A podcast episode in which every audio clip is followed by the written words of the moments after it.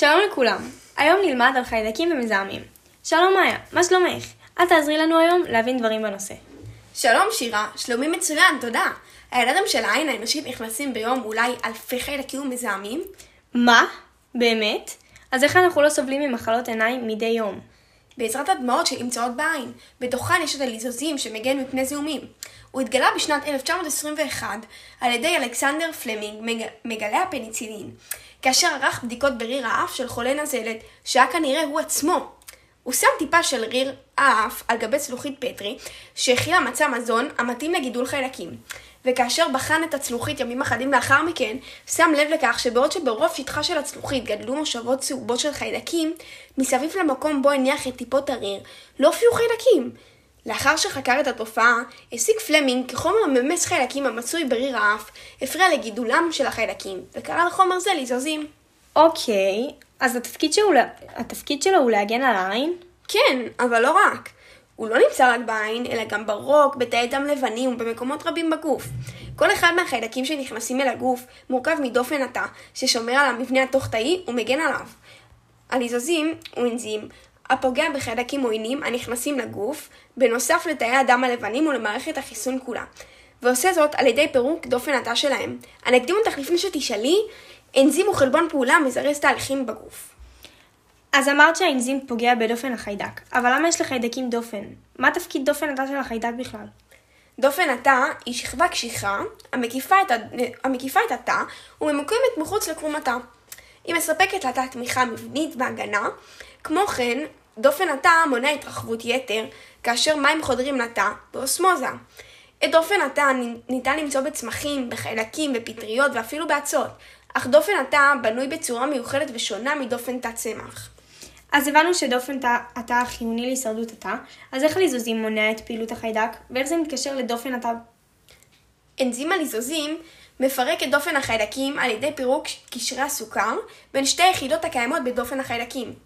שתי היחידות מתחברות לאתר הפעיל של הליזוזים, ובו מתבצעת פעולת ההידרוליזה לצורך פירוק הקשר שביניהם. פירוק קשרים אלו גורם להרס של דופן החיידק, ולאחר כניסת המים מהסביבה החיצונית, קרום החיידק נמתח ומתפוצץ, וכך הליזוזים מונע את פעילות החיידק, ומונע את הזיהום שהחיידק יכל לגרום לגוף. מעניין. אז את בעצם אומרת שהליזוזים מפרק את דופן תא החיידק. אבל מה בעצם מבנה הליזוזים?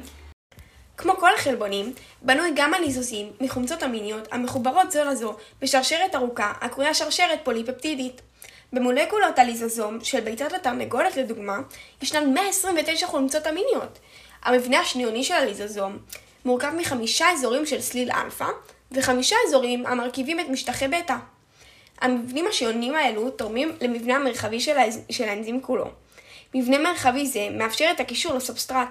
לכל אנזים יש אתר פעיל ייחודי אחד או יותר משלו, וסובסטרט מותאם שמתחבר אליו, ובו מתרחשת התגובה הכימית היוצרת את הפירוק של דופן התא. רגע, יש פה משהו שלא הבנתי. אמרנו שהליזוזים הוא סוג של אנזים, ואנזים הוא סוג של חלבון. כולנו בוודאי יודעים שלחלבונים יש מבנים מיוחדים, צורות תלת-ממדיות מיוחדות. מאיה, זה נכון ששמעתי שהליזוזים הוא האנזים הראשון שהמבנה התלת-ממדי שלו פוענח? האם ניתן לראות אותם, או אולי איך הם אמורים להיראות? כן, אבל לא רק זה. הוא ראשון מבין האנזימים והשני מבין החלבונים שהמבנה התלת-ממדי שלהם פוענחו. בעזרת התוכנה JMOL נוכל לראות את החלבון באופן תלת-ממדי ואף את רמות המבנה השונות שלו. JMOL היא תוכנת קוד פתוח מבוססת Java, המיועדת לצפייה במולקולות, ביומולקולות וכבישים באופן תלת-ממדי. לתוכנת JMOL יש תפריט משלה המאפשר מעבר בין צורות תצוגה שונות של המולקולה. וואלה, לא הכרתי את התוכנה. אוקיי, אז למדנו קצת על התוכנה. איך ניתן להשתמש בה? כשנכנסים לאתר, נבחר את החלבון הרצוי, נלחץ על האפשרות של JMOL ונגיע למבנה התלת-ממדי שלו. ניתן לבחור להגדלת, הקטנה ושינוי, צבע, ושינוי צבעם של חלקים מסוימים בחלבון, בכדי להגיש אותו. האתר נגיש ונוח, אני ממש ממליצה. מאיה, אני חייבת לומר לך, היה לי מעניין מאוד ולמדתי המון. ולגבי הג'יימול, אני רצה לנסות. אה, לפני סיום הייתי רוצה להמליץ לך אפילו על עוד תוכנה, אה, אתר שנקרא PDB.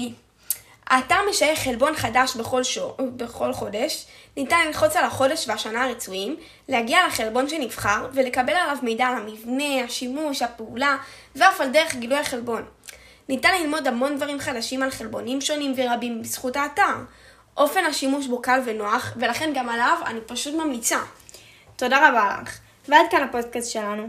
ניפגש כאן גם שבוע הבא עם נושא מפתיע ומעניין.